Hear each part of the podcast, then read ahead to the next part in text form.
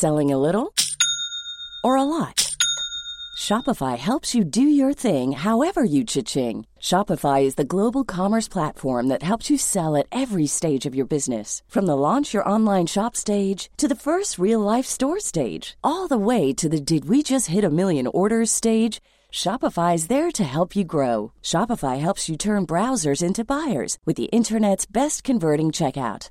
36% better on average compared to other leading commerce platforms because businesses that grow grow with Shopify. Get a $1 per month trial period at shopify.com/work. shopify.com/work.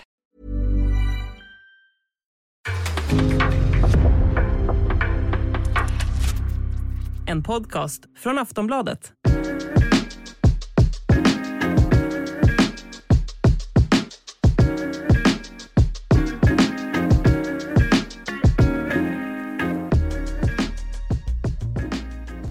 Allsvenska podden avsnitt 11 och vi är mitt uppe i ett allsvenskt uppehåll och ett land, en landslagssamling som har gett oss eh, ja, en ganska dålig match mot Norge får vi säga, där Sverige inte alls övertygade. Håland eh, hade lekstuga med det svenska försvaret, gjorde två mål, Norge vann med 2-1 och det känns som nu har de blivit storebror även i fotboll. Nej då, så långt ska vi inte gå, men eh, vi ska avhandla den lite snabbt här Linn. Vad är din, eh, din åsikt om Sverige-Norge? Eh, Du var på plats för bland annat va? Jag var på plats ja. Mm. Och framförallt så är det ju en landslagssamling som aldrig tar slut. Nej precis, och det tar aldrig slut på skador heller. Eh, nej, och jag är hes som alla Mm. hör, men jag ska verkligen göra mitt bästa. Jag ber så jättemycket om ursäkt. Det är lugnt. Du är förlåten. Eh, Sverige, Norge, ja det var ju, jag var i Slovenien också så det var ett bakslag. Eh, för att där får man ändå säga att det gick rätt så bra för Sveriges nya 4-4-4-3-3, Mm. ska vi ta och säga om. Men mot eh, Norge så kändes det ju väldigt ängsligt, eh, åtminstone i första halvlek. Och Janne testade ju också både eh, Mattias Svanberg och Jens Kajust i de här två mer släpande rollerna på mittfältet. Mm. Där då Jens Kajust är den som ska stanna kvar om man eh, Ja, om man då vänder på den här trekanten och att han ska vara kvar där nere och Mattias Svanberg fick eh, större möjlighet att röra sig uppåt i planen. Tycker att Jens just klarade av den rollen bättre än vad Kristoffer Olsson gjorde mot Slovenien.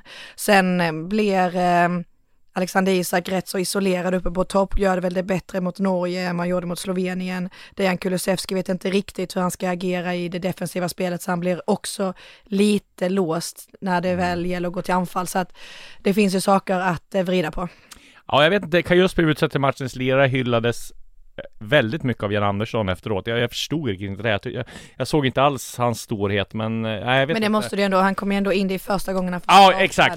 Det var det jag skulle komma till. Att han är ju eh, en man för framtiden och han är ung. Han har inte spelat så mycket där i sin nya klubb. Så att det är klart, man får ge en lite tid.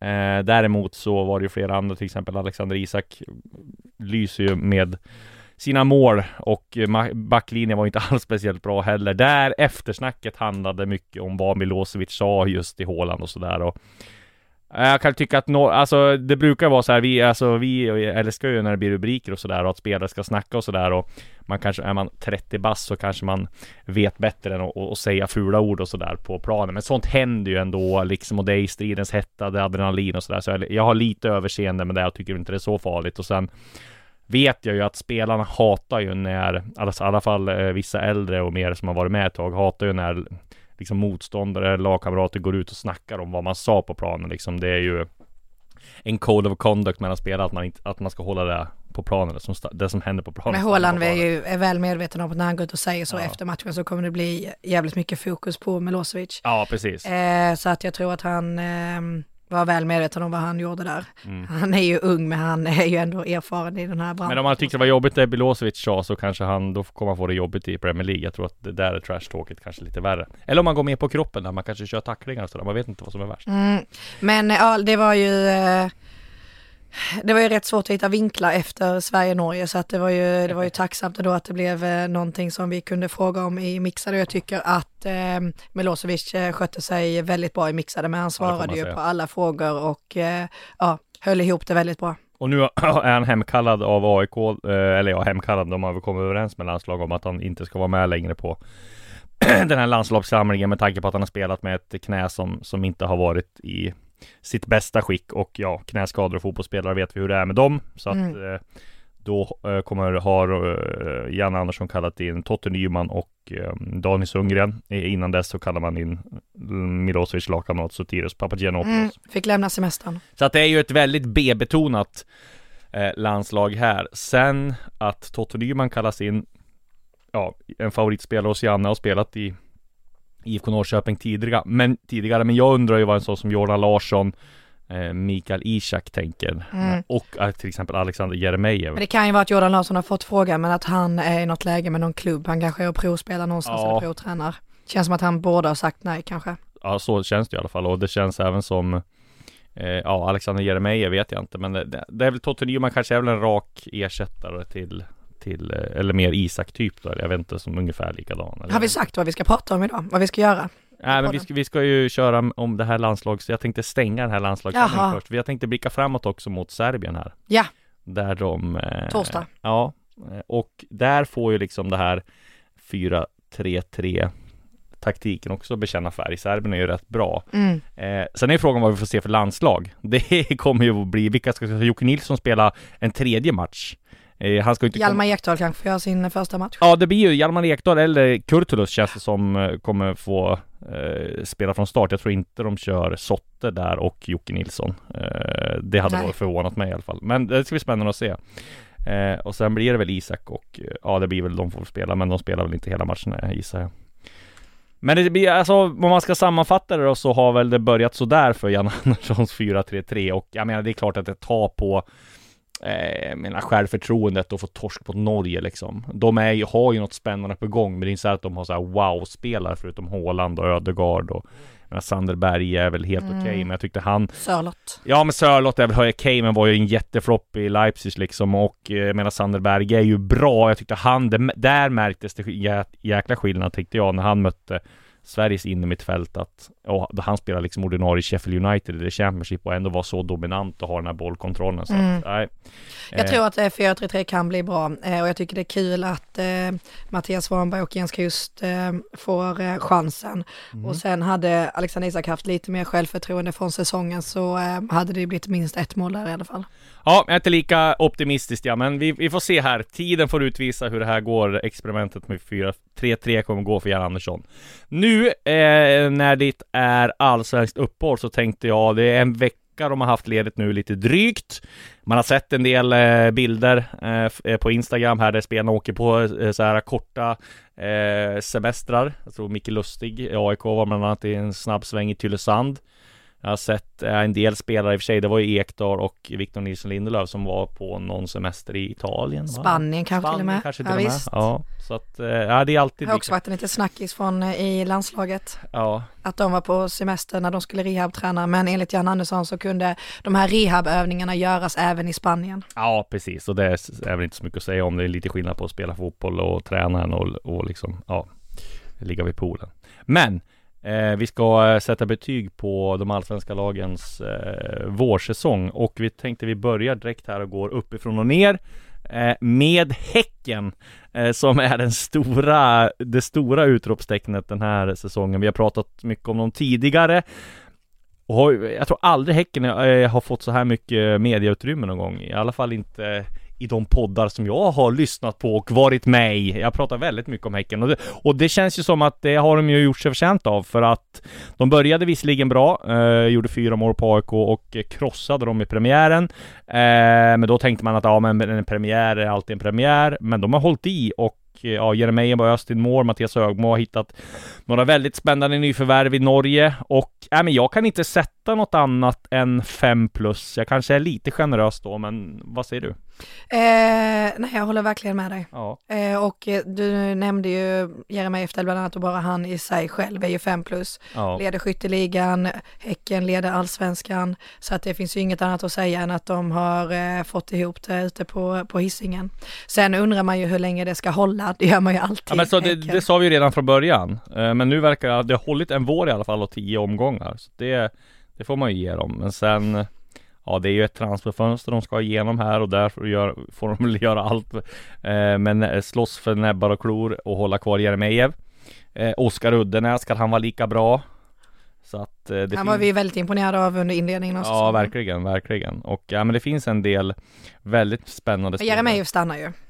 Ja, så känns det ju Mm. faktiskt. Även man vet aldrig vad som kan dyka upp där. Men nej, jag skulle också tro att han stannar. Eh, och man får ju också hylla Per Mattias Högmo som jag trodde var lite passé om jag får ett hårdra det som tränare. Han var bra i Djurgården där, sen har man inte märkt av han har varit i norska landslaget och sådär men, men har ju fått till det väldigt bra. Och eh, om man ska ta, nu har vi hyllat dem väldigt mycket men om man ska ta på minuskontot och floppar så är det väl, i, alltså floppar är ju ett eh, starkt ord men en som har varit lite besviken är Erik, Erik Friberg som jag tror är väldigt besviken också att inte han har fått chansen. Var jättebra förut men nu verkar det vara som att Högmo inte alls satsar på honom. Och ja, 36 år och får ingen speltid. Det känns som att hans eh, ja, tid i Häcken börjar gå mot sitt slut. Men man såg, eller jag såg inte det komma eh, riktigt att eh, han skulle få eh, sitta på eh, eh, sitta på bänken och inte få chansen för att han känns som att han alltid har varit en så viktig spelare för Häcken och för hela truppen. Jag håller med. Så att det känns, eh, det känns lite eh, överraskande. Och sen får vi ge liksom cred till, eh, ja, Häckens Martin Eriksson då och tränaren Högmo för, ja, Mikael Rygaard har varit en jättebra värvning, Oskar Uddenäs en jättebra värvning. Eh, så att det är bara att lyfta på hatten för Häcken. Eh, och så får vi se om det fortsätter helt enkelt. Men 5 plus är vi eniga om va? Ja, Häcken. fem plus till Häcken. Då går vi vidare till AIK, eh, som i alla fall, ja, både du och jag hade som slutvinnare av Allsvenskan, så vi kan ju inte säga att vi är förvånad över att de är med i eh, toppen här. Eh, ja, eh, samma poäng som Häcken, men sämre målskillnad. Och där så trodde man väl kanske inte att eh, Bartos Gelak skulle få ihop alla bitarna så här snabbt. AIK brukar ju ha det tungt på våren och framförallt så trodde man kanske inte att de skulle vara så här bra efter premiären mot Häcken. Jag vet att det gnälldes en del eh, liksom från spelarhåll om att de inte fick in de här värvningarna som de ville ha. Det var ett bakslag att de inte fick in eh, John Guidetti till våren, men där kom det i alla fall Jordan Larsson till slut och som har varit en, en väldigt viktig del och det är ju, även fast han inte har öst in mål så pratas det ju hela tiden från från spelarna om hur viktig han är med den här länken mellan mittfält och anfallet och sådär så att eh, AIK är ju Även för att ha gjort en mycket bra säsong.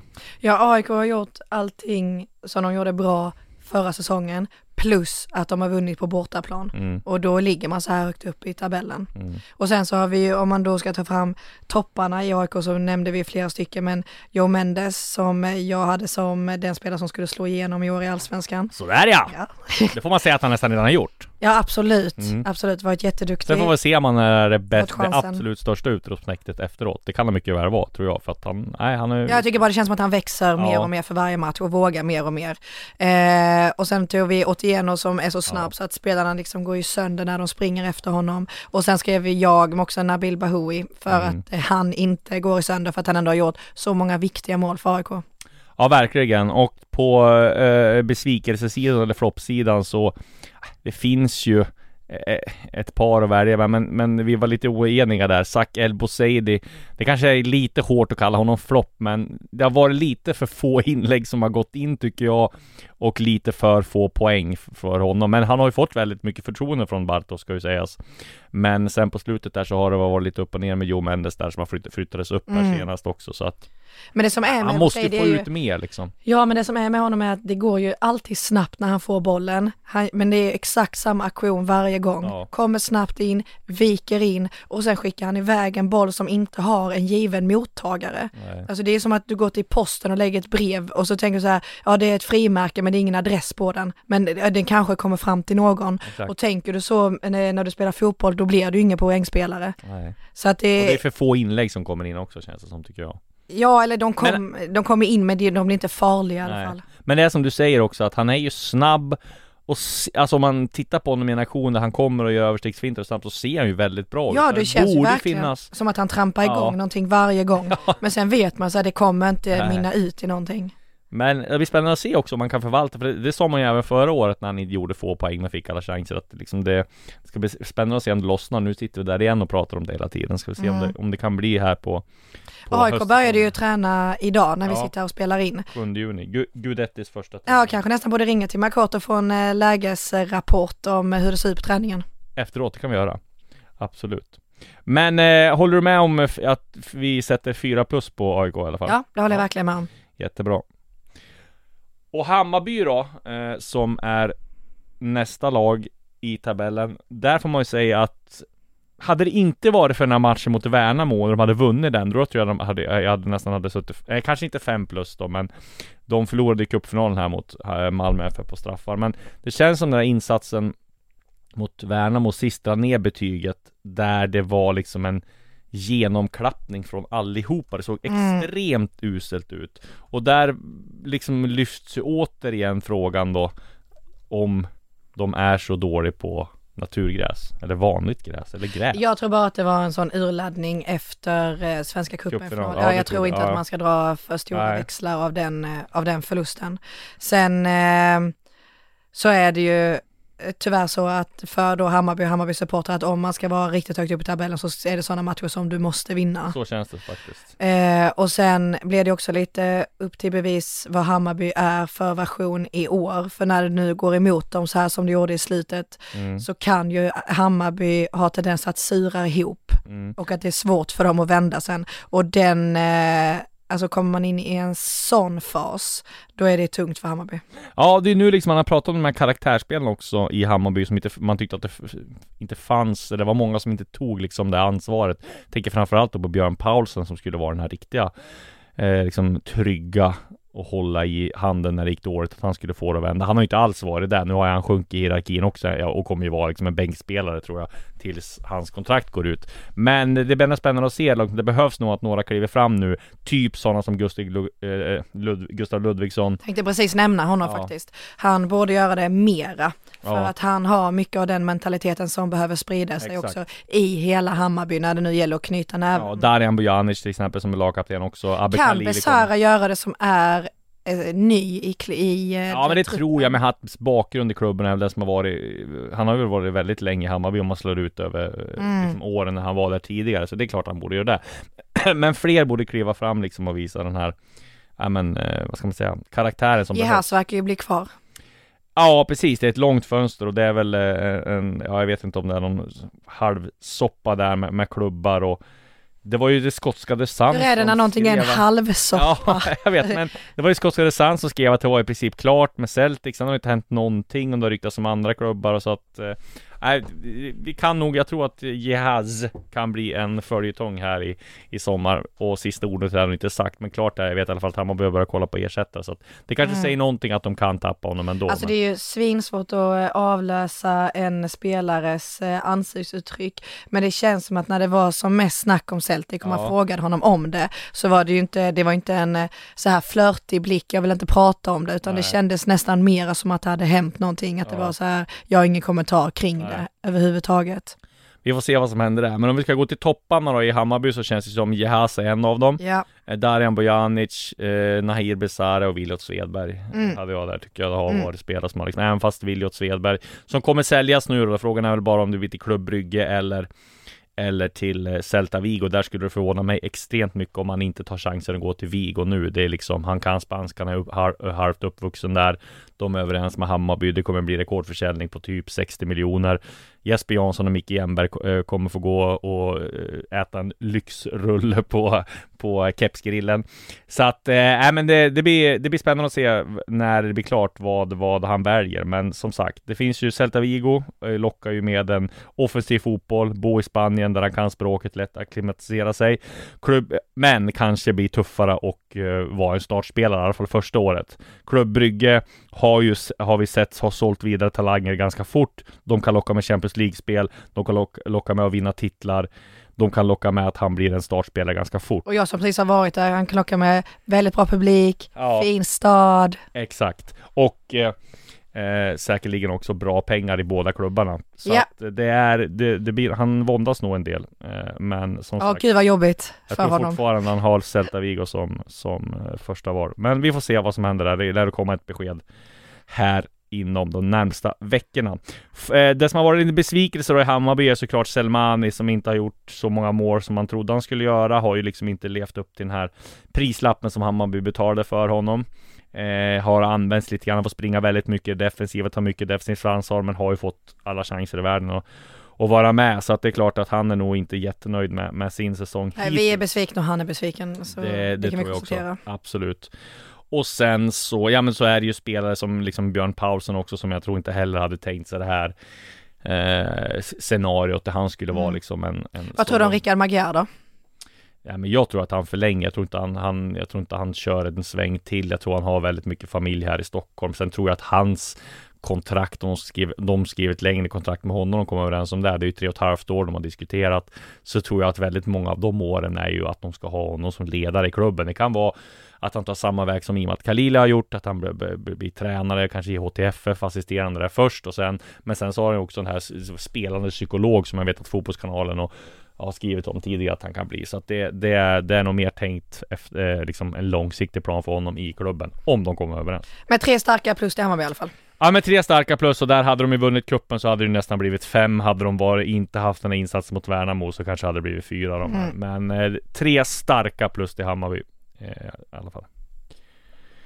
Nästa lag, Malmö FF. Där var det lite svårare då och, och för där har de ju gjort en eh, ganska, eller de har ju gjort en ganska medioker allsvensk säsong. Även om det har varit liksom inte så här många bottennapp så har det varit i alla fall ett par bottennapp. Vissa har hängt, såklart hängt ihop med den här extrema skadelistan de har haft nu. har De börjar få tillbaka spelare, men där man tog en titel, vilket räddade upp väldigt mycket. Där Milos Milojevic fick eh, lugn och ro efter, Ja. efter den där cuptiteln. Och liksom nu kommer de inte det ska nog till något extremt om de ska sparka honom. Det, det, det är nästan, Nej, det kommer de nej, inte det kommer inte hända. De har investerat så mycket trovärdighet och han hyllar så mycket av spelarna, så det tror jag är helt han är helt, kan vara helt lugn med det. Men sen är det ju vissa grejer som jag tror Malmö FF kommer se över under det här sommarfönstret. Dels är det liksom åldersstrukturen på truppen. Eh, de har ju väldigt många ålderstigna spelare. De tittar på att förstärka med unga spelare. Isak Jansson vill de ha. De tittar på ett par andra positioner. Men, men sen så gäller det också nog att eh, ja, det är nog vissa av de här äldre spelarna som inte kommer få något nytt, nytt kontrakt. Och jag vet inte om den Liksom det kommer ju ett, ett läge där Malmö FF kommer få börja köra en generationsväxling och det känns väl som det här tillfället är här nu i alla fall att man får köra det här året och sen Sen kommer det vara eh, in, inte lika eh, in, Inte en likadan åldersstruktur på truppen Men topp då, det är cuptiteln Mm. och du sa också en grej här om Milos Att hans lugn under det här Ja men han kommer ändå rida ur den här, eh, Mm. det här skadekaoset med någon form av, eh, med värdighet och en, eh, en titel som det var första gången de vann Svenska cupen sedan 1989. Mm. Så att det är klart att det måste vara med på en, på en topplista. Jag ändå... Verkligen Och sen floppen då får man säga är väl skadorna Ja och det är svårt att eh, Peka liksom, ut eh, liksom. att Ja exakt, att liksom bena ut vad det kommer ifrån och den här kritiken till att de skulle ha tränat fel eller att Milos skulle kommit in och kört något helt annorlunda. Det, jag har svårt att se att det liksom ska påverka spelarna så, så snabbt som de här skadorna kom. Mm. Sen är man ju absolut ingen expert på det, men vi måste ju säga skadorna och eh, sen vad det beror på eller hur många som kommer komma tillbaka eller om det är kul eller inte är det som Malmö håller på med, att de säger att alla spelarna är tillgängliga när det uppenbarligen inte är så. Det är ju, eh, det är ju ett rävspel och eh, det ingår ju i, i fotbollen. Sätter vi två plus eller tre svaga plus? Tre, tre, Tre svaga, plus för Ja, cuptiteln va? Ja, Det, absolut. säga. Ja, det håller jag faktiskt med. Mm. Två hade varit lite Och för att de kom tillbaka och för Ola Toivonens mål här och ja, men det, jo, det, det får de ändå ha. mm. Ready to pop the question? The jewelers at BlueNile.com have got sparkle down to a science with beautiful lab grown diamonds worthy of your most brilliant moments. Their lab grown diamonds are independently graded and guaranteed identical to natural diamonds, and they're ready to ship to your door. Go to BlueNile.com and use promo code LISTEN to get $50 off your purchase of $500 or more. That's code LISTEN at BlueNile.com for $50 off. BlueNile.com code LISTEN. Vidare till Elfsborg då, lite svårbedömt. Har varit mycket upp och ner tycker jag. Men eh, får väl ändå säga repade sig på slutet. Fick ihop 2-2 mot Norrköping där i sista matchen. Där man tycker, jag tycker att topparna har varit såklart Jakob Ondrejka, Simon Olsson, man har förlängt med Johan Larsson, Per Frick har gjort det R- Rivig och Rasmus Alm och det finns många, många unga fina spelare Mm. där så att eh, Bra balans, där har vi en bättre balans på åldern om vi säger så. Ja, det får, får man lugnt säga. Och sen har det ryktats då hela tiden om Ondrejka. Enligt turkiska tidningar ska han vara klar för, eller ska vara överens med Elfsborg om besikt, eh, eh med besiktas. Eh, det som ska återstå vara förhandla personliga avtalet. Och det har ryktats liksom i omgångar nu att det ska vara helt klart. Men när man ringer Stefan Andreasson så, och pratar med en del andra så tokdementerar de. Jag vet inte, det känns som att det, men det känns som för mycket rykten för att det inte ska ligga någonting bakom det. Mm. Eh, per Frick eh, hade jag som ensam topp, det är ju, det är ju lite snålt gentemot de andra men eh, väldigt viktig för Elfsborg, fortsätter vara det och varje gång man ser att det plingar till och att han har gjort mål eller man ser en Elfsborg man tänker man så, ja han, alltså det, det är liksom målgaranti. Ja, verkligen. Och eh, ja men det känns, och jag vet ju också att AGF Århus har haft med Jimmy Tillin på någon form av bruttolista när de ska leta ny tränare. Det har jag även haft med Poya Asbaghi, men det blir Det blir inte Poya eh, där i AGF. De har även haft med Yver Rössler som en eh, en, en, eh, en kandidat och jag tror jag har ju som jag skrev här för någon, någon vecka sedan skulle ha svårt att se att Jimmy Tillin ska lämna Elfsborg i det här läget för att gå till AGF Århus. Känns li- Som är lite för stökig, även fast svenska tränare har, får väl, har väldigt svårt att, att få någonting utanför liksom Sverige. Eh, så är det ju. AGF tror jag inte är rätt läge att gå till i, för Jimmy Tillin i det här läget i alla fall. Flopp skrev vi eh, när vi diskuterade detta att de borde vara med mm, högre upp i toppen.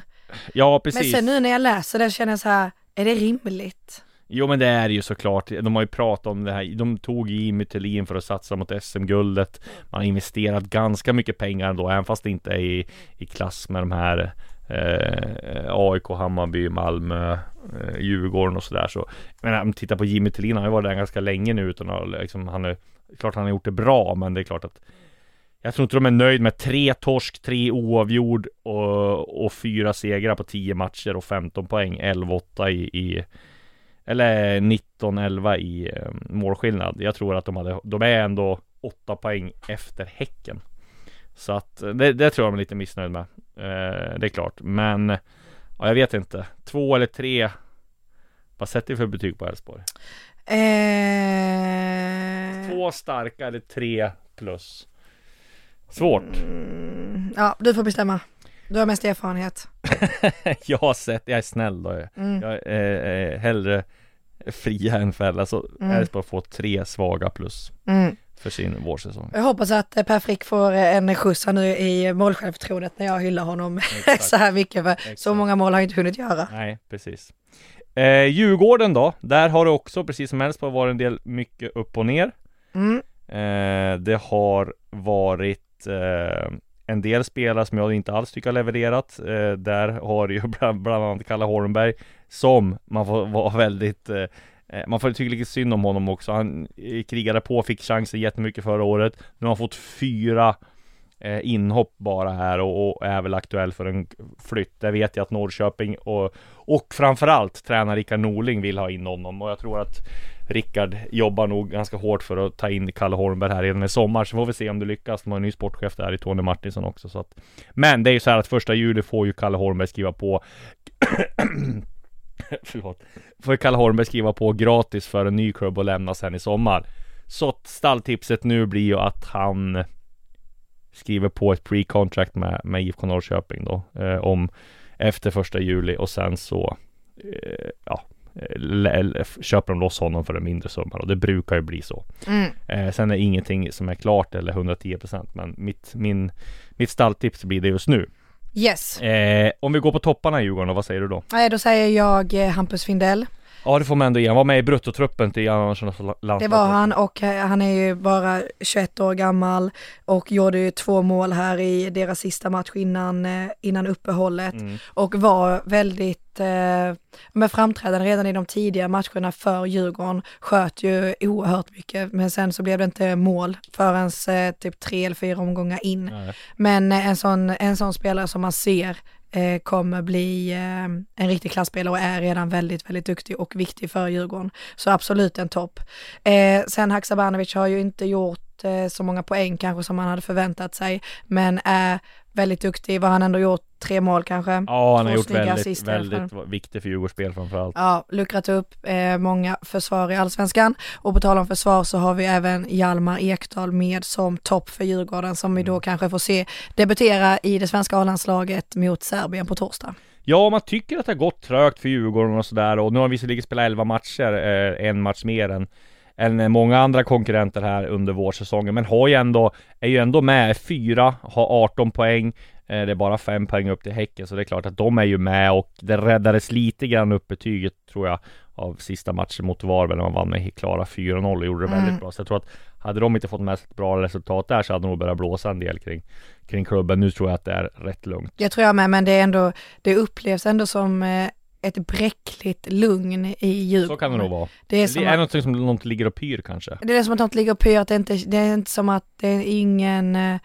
det känns inte som att det är helt i symbios med tränarstaben och med spelarna och med Mange Eriksson och Nej, man, det tror jag, det, jag tror så här. jag tror inte det är någon, någon liksom fara på taket sådär, men jag tror att Djurgården är känd för den här familjära stämningen och allt det, men det har varit lite så här för mycket, liksom inte kontroverser, man ska säga rykten hit och dit och miss, missnöje, det har varit den där tv-intervjun som Kim Bergstrand Mm. gjorde, eh, det har varit lite sådär, ja men att med, mm, missnöje tror jag från spelhåll också med tränarna i början, där Djurgården låg under med 1-0 eller 2-1 i slutet och skulle gå för det, men lät liksom Joel Asoro och alla anfallare sitta de förlorar kvar. mot Mjällby. Ja men sitta kvar på Mm. bänken och så här, man gjorde inte det men det känns som de har fått in det lite bättre nu och varit lite smartare Kim och Tolle där med, med just spelartruppen, att man luftar, man ger fler spelare chansen och det tror jag har gjort att i alla fall det är rätt lugnt där nu. Sen vet man ju inte, det kan ju en torsk sen och det kan liksom Mm, eller en seger och så är det liksom guldkandidat igen. Ja men så kan det vara.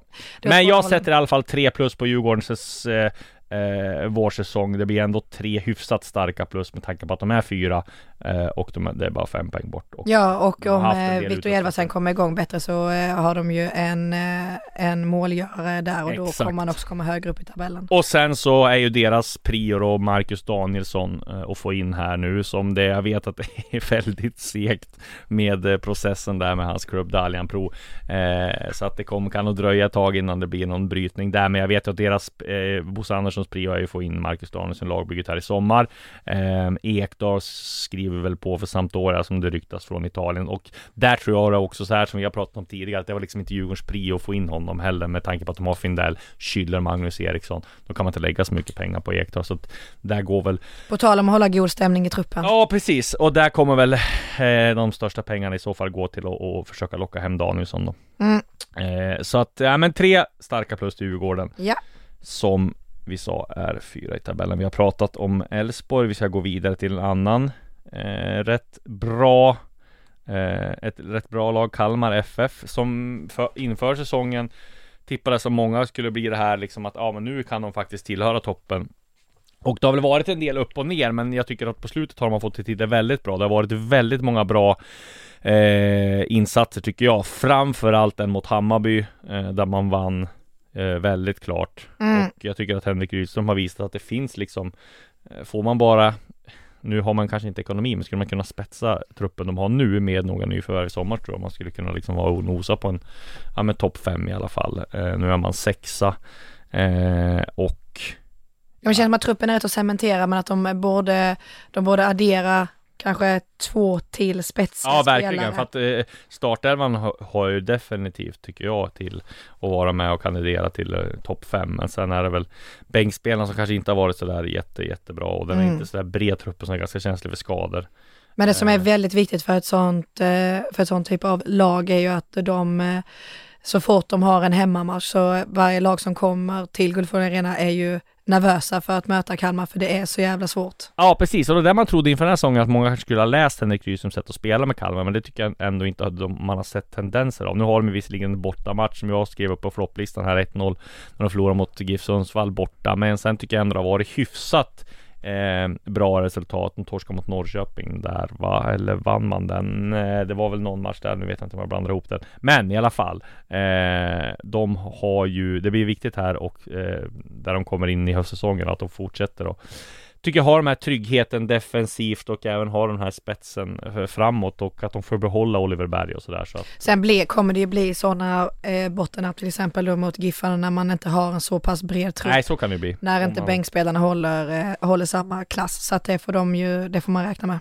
Och avslutade ju med 1-1 mot Mjällby här eh, också eh, Hyfsat bra Ja, det var ju Eh. två lag som var nöjda med att dela på den Ja poängen. det tror jag också verkligen det var Men Tre eh, plus. tre plus har vi sagt på Kalmar, absolut Ja, eh, nosa på fyra men vi håller. Nästan eh, närmare, skulle jag Ja. precis säga, nästan närmare fyra Ja, men vi håller dem på tre. Och då går vi vidare just till Mjällby då, där tycker Mm. jag också att Ja men hade man sagt innan eh, säsongen började Att Mjällby skulle vara så pass bra med och ligga åtta efter våren så hade man ju Tror jag att Andreas Brännström hade tagit det alla dagar i veckan. Ja, Jag hade dem faktiskt som nedflyttningskandidat där. Jag har som komma näst sist i Allsvenskan in, inför säsongen. Det får man ju halvt skämmas över nu men eh, jag vet inte vad, det, vad, är, vad är din åsikt om det Mjällby har presterat hittills? att eh, det är ju helt avgörande för en sån eh, typ av klubb att få den flygande starten som de Ja, fick i verkligen. allsvenskan. Det var ju, de var ju som uppe på tredje, fjärde plats, både efter tredje omgången och fjärde omgången. Men eh, nej, jag är ju jätteimponerad eh, av dem, vad de gör där ute på Listerlandet och sen framförallt när de fick den här eh, otroliga smällen med Jakob Bergström som fick en hjärnskakning Mm. i början av säsongen som har klarat sig utan honom. Och eh, han ska väl vara tillbaka, var det ju sagt den tidiga prognosen i alla fall, efter sommaruppehållet. Mm. Sen ehm, har inte jag sett några, några mm, färska uppdateringar kring eh, hur han mår, eller jag vet att han är tillbaka i träning i alla fall. Ja, precis. Ja, men han ska då vara redo till, eh, till det. Sen tycker jag måste nämna också Gracia, Carlos Gracia eh, från, som tidigare var i GIF Sundsvall som där tycker han har gjort det väldigt bra på mittbacken. Jag måste ändå värva, eh, nämna Löken som har varit Tagit ansvar som lagkapten, tränare Andreas Brännström som fick chansen i Allsvenskan Äntligen efter ryktet till varenda klubb. Har gjort det väldigt bra med Mjällby så att det är klart att De har ju levererat över förväntningarna hittills. Även om jag tror att avslutningen som jag satte upp som en liten flopp här på Mjällby där man torskar mot Giffarna och får med sig 1-1 mot Kalmar tror jag inte var vad de hade eh, Alltså bara ta en poäng på de två matcherna det tror jag de hade nog velat gjort det lite bättre. Då hade det varit nästan en fyra plus eh, Ja, men fyra plus ska de väl få. de ska de få, ja men precis, då kanske hade, ja vi kom ju överens om det, exakt ja Ja men det blir det ändå eh, Med tanke på hur det såg ut inför säsongen, ah, hur, hur lite pengar de har spenderat Så det blir väl, det blir att Mjällby får 4 plus Och 1-1 mot Kalmar, det, tror- ja, det var Nej, ju okej. ändå skönt. Jag kanske var lite för hård där, men 4 plus då sätter vi till, på Mjällbys vårsäsong Yes. Eh, ett lag som inte har varit lika bra är ju IFK Norrköping Som jag tycker också har skrivits väldigt mycket om den här de brukar ju vara liksom så här i mediaskugga rätt ofta Det tycker de inte har varit nu, jag tycker det skrivs väldigt mycket om dem Men då har det Mm. mest handlat om Rickard Det Norlings var väl i och så mycket skugga förra året. Då Nej var det ju rätt mycket kaos. Ja, ja, exakt. Men just eh, när Allsvenskan är igång. Men eh, då har det mest handlat om Nordings spelsätt, hur han har gått, eh, hur han har eh, förbisett det här Atlanta-stuket och gått till ett mer rakare spel. Mm. Eh, och där ändå har fått ihop det hyfsat under i, i slutet här. De började ju väldigt illa. Ja, och det ska man säga att de, bor, de började ju historiskt dåligt. Ja. Alltså Norrköping har ju aldrig haft så få poäng efter, Nej. jag tror det var fem omgångar. Och hade man då inte haft en tränare som Rickard Norling, som vi är van vid att det blåser så djävulskt kring honom, då tror jag det hade blivit ännu svårare för klubben. Samtidigt så kanske man då inte hade haft så få poäng om man hade haft en annan tränare som inte ville spela på det sättet. Så det är väl ett givande och tagande. Nej, men man får ju ut lite för lite av det här lagbygget får man säga med tanke på vilka spelare som finns. Sen ska man säga att det har ju varit ganska många spelare som underpresterat. Jag tänker en sån på, på en sån spelare som Oskar Jansson som man trodde skulle vara mer dominant i år. Eh, när han hade fått en inkörningsperiod i Norrköping. Jag tycker att det har varit lite för många tveksamma ingripanden för honom. Han får nog ta på sig en del ganska billiga mål som har, som har varit här under eh, de senaste eh, matcherna. Så det är klart att han, där finns det potential. Eh, och det är klart den här Girfunkel som eh, som de skeppade iväg var ju inte en av, eh, vad heter det, de, den bästa eh, nykomlingarna heller eh, från, eller nyförvärven heller som Norrköping har, vad heter det, eh, värvat. Mm. Så det är klart att det finns eh, mycket att jobba på, men om man ska säga toppen då är Totte Nyman. Ja, alltså Ja, alltså han är ju helt avgörande för att inte Norrköping ligger ännu längre ner i tabellen Mm. och helt avgörande att han inte har blivit skadad för det finns ju ingen som kan ersätta honom i truppen. Sen ska jag också nämna eh, Jonathan Levi som topp, både på det sättet som han tar media efter matcherna och när det blåste så mycket kring dem när det gick så dåligt och att han har satt de här viktigt frisparksmål och är, eh, är duktig för dem på planen också. Sen kommer det nog komma in en del spelare här till eh, Jag sa Girfunkel, eh, jag bytte namn, eh, bytte bokstäver där, Gurfinkel Ja, precis.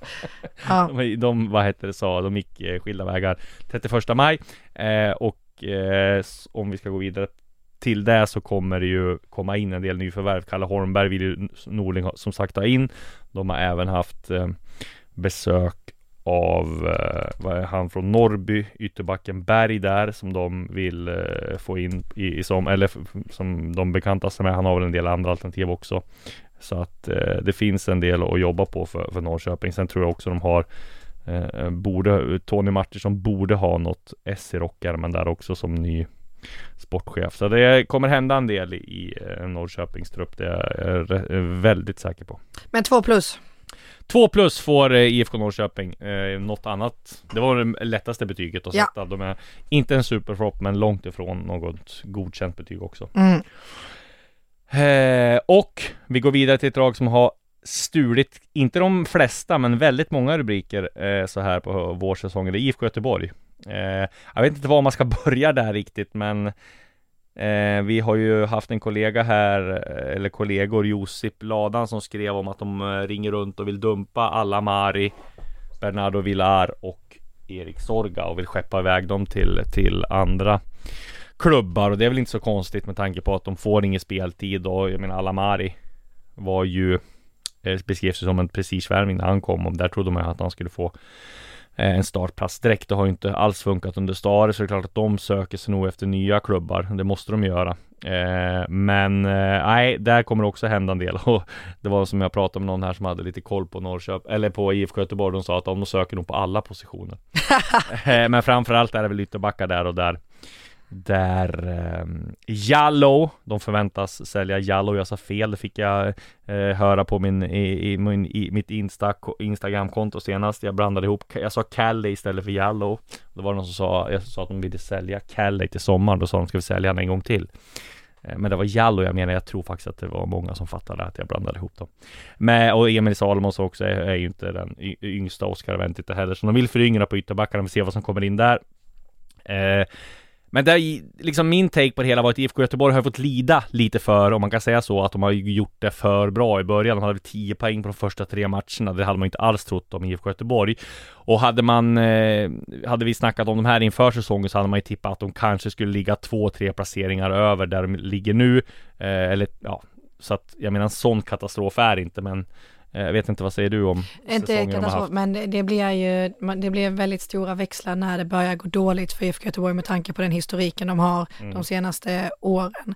Och att, ehm, nej att Micke Stare eller Max Berg så här får gå ut och prata med supportrarna väldigt Exakt. tidigt när det börjar gå dåligt för att det, det finns ju alltså, så nära till missnöje och så Mm. nära till misstro i den klubben eftersom att det har varit misskött under en lång tid. Och sen, Framförallt avslutningen är ju Ja, avslutningen, dålig jo exakt, men det är ju, om vi pratar om att det var bräckligt i Djurgården med självförtroende eller med lugn eller att man känner att det är en symbios kring spelare och ledare och fansen, så är det ju samma sak i IFK Göteborg, att det känns som att började Börjar man hamna lite snett så glider det jävligt fort åt ena hållet. Eh, och sen så återstår det att se hur, eh, hur nära det är att de hamnar på banan igen och det var inte, det var inte katastrofavslutning ändå. Och eh, där som topp måste vi ju nämna Marcus Berg. Som Ja, är verkligen. så Herregud. otroligt viktig för det här laget. Och de floppspelarna har vi, har vi eller flopp, flopparna har vi redan nämnt där. Och det måste ju nämna Tobias Sanagate, Tobias Sanagate också som som var ju ett misslyckande för båda parter får vi säga. Den har vi ältat väldigt mycket här. Vi har inte sett något slut på den än, men Mm. det, det lär väl komma här snart. Men eh, två plus i alla fall blir för IFK Göteborg, varken mer eller mindre. Sirius då, vad säger vi kort om dem? Har varit, ja, upp och ner samma sak där. Gjorde är floppen blir ju Djurgården borta va? Det är den sjukaste matchen som jag har sett Ja. eh, i år måste jag ändå säga. Mm. När de eh, ja, blev av med bollen två gånger i eget straffområde för att de skulle passa sig upp eh, genom hela, hela banan. Mm. Sen, ja, det är ju en flopp, men samtidigt så har de ett spel som de tror på. De Ja. tog ju viktiga poäng mot eh, AIK, 2-2 där och då hade de ju samma, samma tankesätt. Så att, ehm, ja, det, är- det är ett svårläst lag och det, vi hade väl lite svårt att sätta betyg på dem också. Ja precis, men det blir väl trots allt två starka va? Eller var de tre? Någonstans däremellan. Mm. I topparna var i alla fall Mustafa Zeidan tycker jag. Han har varit grym och är grym. Jag skulle bli förvånad om ingen eh, toppklubb i Allsvenskan är och hugger på honom. Det har vi sagt tidigare. Malmö borde vara där, Norrköping borde vara där, Hammarby borde vara där. Mm. Såklart. Eh, fast ändå, de är inte med i i den absoluta bottenstriden. De är, de har, de har 14 poäng på 10 matcher. De har 8 poäng ner till Sundsvall som är på kval. Det är klart en trea, svag trea då blir det va, eller? Okej, Ja, vi, vi sätter det. Mom deserves the best, and there's no better place to shop for Mother's Day than Whole Foods Market. They're your destination for unbeatable savings, from premium gifts to show-stopping flowers and irresistible desserts. Start by saving 33% with Prime on all body care and candles. Then get a 15-stem bunch of tulips for just $9.99 each with Prime. Round out Mom's menu with festive rosé, irresistible berry chantilly cake, and more special treats. Come celebrate Mother's Day at Whole Foods Market. Värnamo då, där har vi ett, eh, som, det ska vi återkomma till senare när vi sätter betyg, men där har vi ett lag som verkligen har överraskat. Eh, och det råder ingen tvivel om att topparna är Marcus Antonsson. nej. Eh, vilken eh, succévärvning. många mål ble, landade Han har fått en nu? ny vår där han har gjort Sex mål. sex mål eh, på, på de här eh, matcherna. Eller är det sex? Jo, sex mål. Okej, härligt, härligt. Jeremejeff har gjort tio. Ja.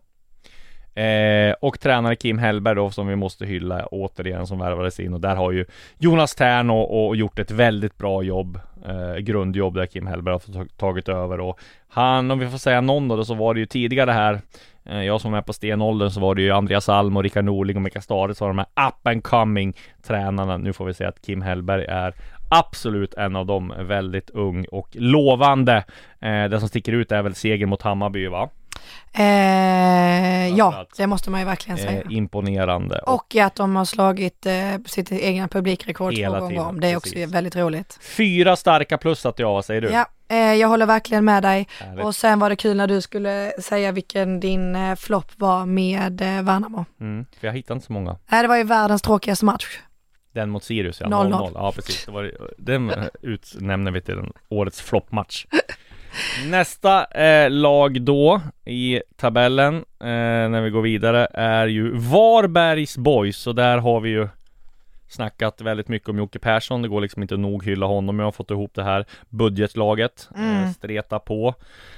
Visserligen en, ett extremt bottennapp som kanske drar ner betyget lite här när man förlorar med 4-0 och ser så håglöst ut mot Djurgården här i sista omgången. Men eh, De var ju redan på semester då. Jo men sen är det så här imponerande också, man tycker, ja man ligger f- eh, fem poäng före GIF Sundsvall och Degerfors. Jag menar Degerfors har värvat en del. Nikola Djurdjic eh, bland annat lagt en del pengar i sign-on. GIF Sundsvall har tagit in tre spelare från Eh, liksom andra divisionen i USA Varberg har tagit in liksom en budget från eh, andra klubbar i Sverige och, och en del budgetar har inte lagt Men- speciellt mycket pengar så det är klart att det är imponerande Och Jocke sa ju det redan inför matchen mot Ja. Djurgården att, så här, att de hade tagit mm, fler poäng kanske de hade räknat med och de kände sig nästan nöjda redan innan de gick ut på Tele2. Så att jag tror inte att, den, eh, att det blev för mycket nederlag att man förlorade sådär precis innan sumuppehållet.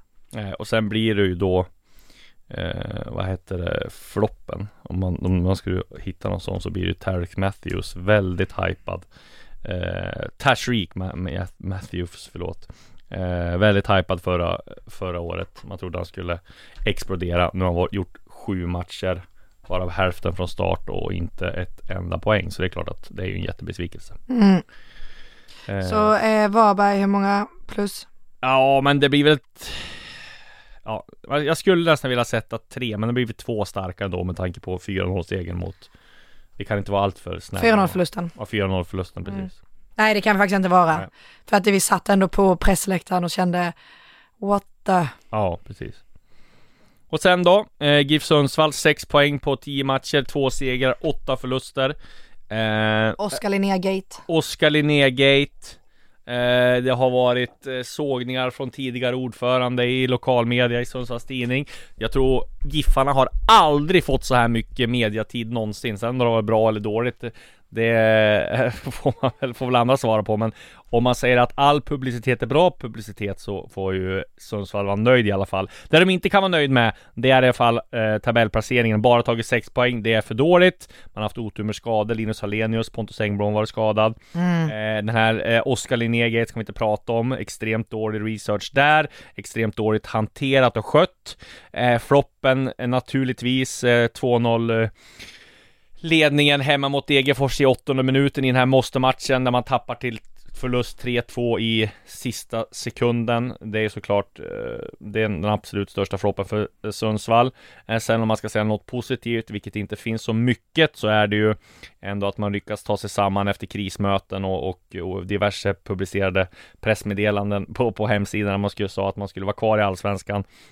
så är det ju att man vinner ändå och tar sig samman och vinner mot Mjällby i den där viktiga matchen. Det ger i alla fall tränaren Henrik Åstrand lite tid, även om jag tror att om det är någon tränare som är nära att ryka så är det väl Henrik Åstrand om det börjar gå knackigt för Giffarna även på hösten.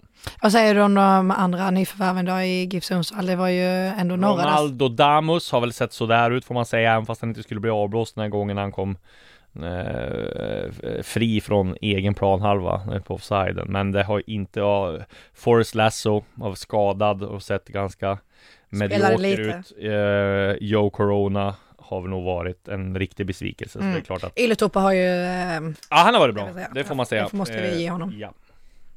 Och eh, då går vi ett plus till... då eller? Ja, det blir väl ett plus, kan inte bli något annat. Nej. Eh, Degerfors då, Mm. eh, ligger på eh, näst, näst sist. Där har också stormat en del, tränarna var ifrågasatta.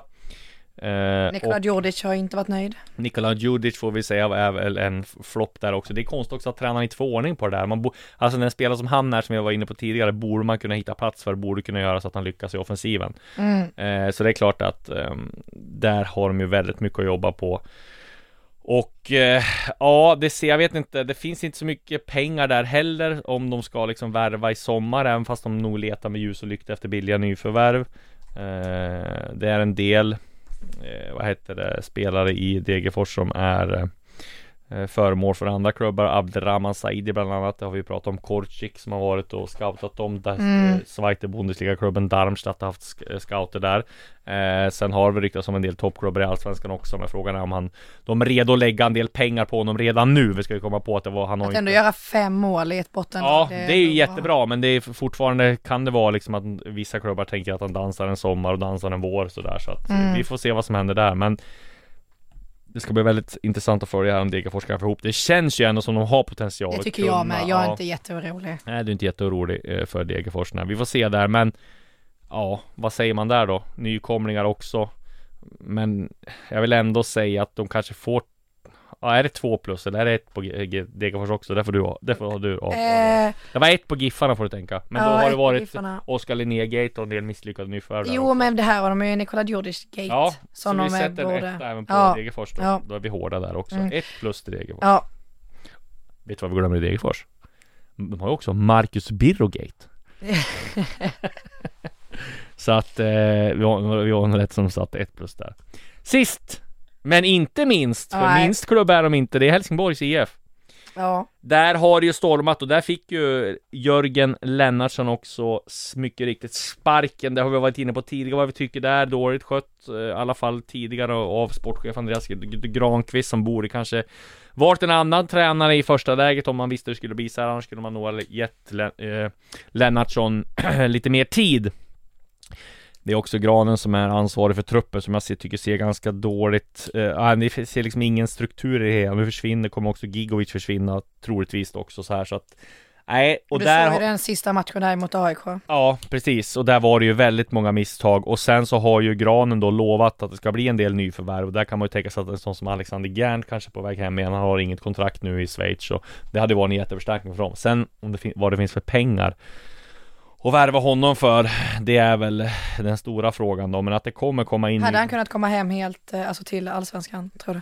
Ja det tror jag absolut. Han är väl i den fasen framförallt. Han är inte direkt purung. Han har väl inte direkt öst in mål på slutet heller så att Det är väl ingen eh, Ja eh, Han är 35 Fyller 36 i juli 14 juli Dagen innan allsvenska transferfönstret stänger Så om det här är ett tecken Eller inte låter jag vara osagt Men vi var inne på floppar då med Lennartsson och sådär Så får vi se att den toppar Taha Ali Ja. Härlig spelare och och beskåda, även om han kanske inte haft lika bra avslutning som han hade eh, inledning och sen så, ja, han var ju, han gjorde ju en, en, en insats där på som han får högt skådespelarbetyg när han eh, filmade till sig en straff där mot Var också, eh, AIK. ja Lustig. men var väldigt nära och ehm, kvittera sen ju. Ja, precis. Och eh, absolut ett, en av de, det absolut största frågetecknet där. Och det, där får man ju ge underbetyg till eh, klubbarna i närområdet i Stockholm som inte tog honom. Det här trodde vi att vi skulle stöka över snabbt. Men det fanns ju mycket att säga om alla lagen. Ja, verkligen. Vad sa vi? Eh, vad hette det? Vad sa jag att det skulle bara skulle vara eh, fyra, tre, fyra minuter per lag? Det blir väldigt Mm. mycket mer där tror jag. Ja, men det är väl för att vi har haft uppehåll från allsvenskan nu. Vi är sugna på att det ska dra igång. Precis, och i det som vi sa, det har ju dragit igång en del. Eh, Ja. AIK drar igång i, idag, eh, den sjunde. Jag vet att Djurgården och Hammarby drar, eller Djurgården drar igång den tionde. Hammarby drar igång den elfte. Mm. Och vi vet ju fortfarande ingenting om det är med de ehm, eh, kontrakten i Ryssland va? Det har vi inte fått någon, det vet vi inte heller hur det är. Nej. Det blir väldigt intressant att se vad, vad som händer där. Men eh, en eh, uppdatering och en sammanfattning eh, kring vårsäsongen i alla fall med en eh, framåtblickande touch in i eh, ditt transferfönster. Ja, det blir det. Och med det tackar vi för oss. Nu ska vi gå på mixad zon med landslaget och sen ser vi fram emot matchen mot Serbien. Sen åker vi till Norge och ser matchen mot Norge borta och kollar om Haaland har något mer att säga och som sades på planen i Tror du Hjalmar. Ekdal kommer skrika samma saker? Nej, det tror, tror jag inte. Jag tror han har ett eh, Jag tror ingen vågar säga någonting till Haaland nu. Han har liksom satt standarden för det. 4-3-3. Eh, med det tackar vi för oss och så på, ser vi på återhörande nästa vecka.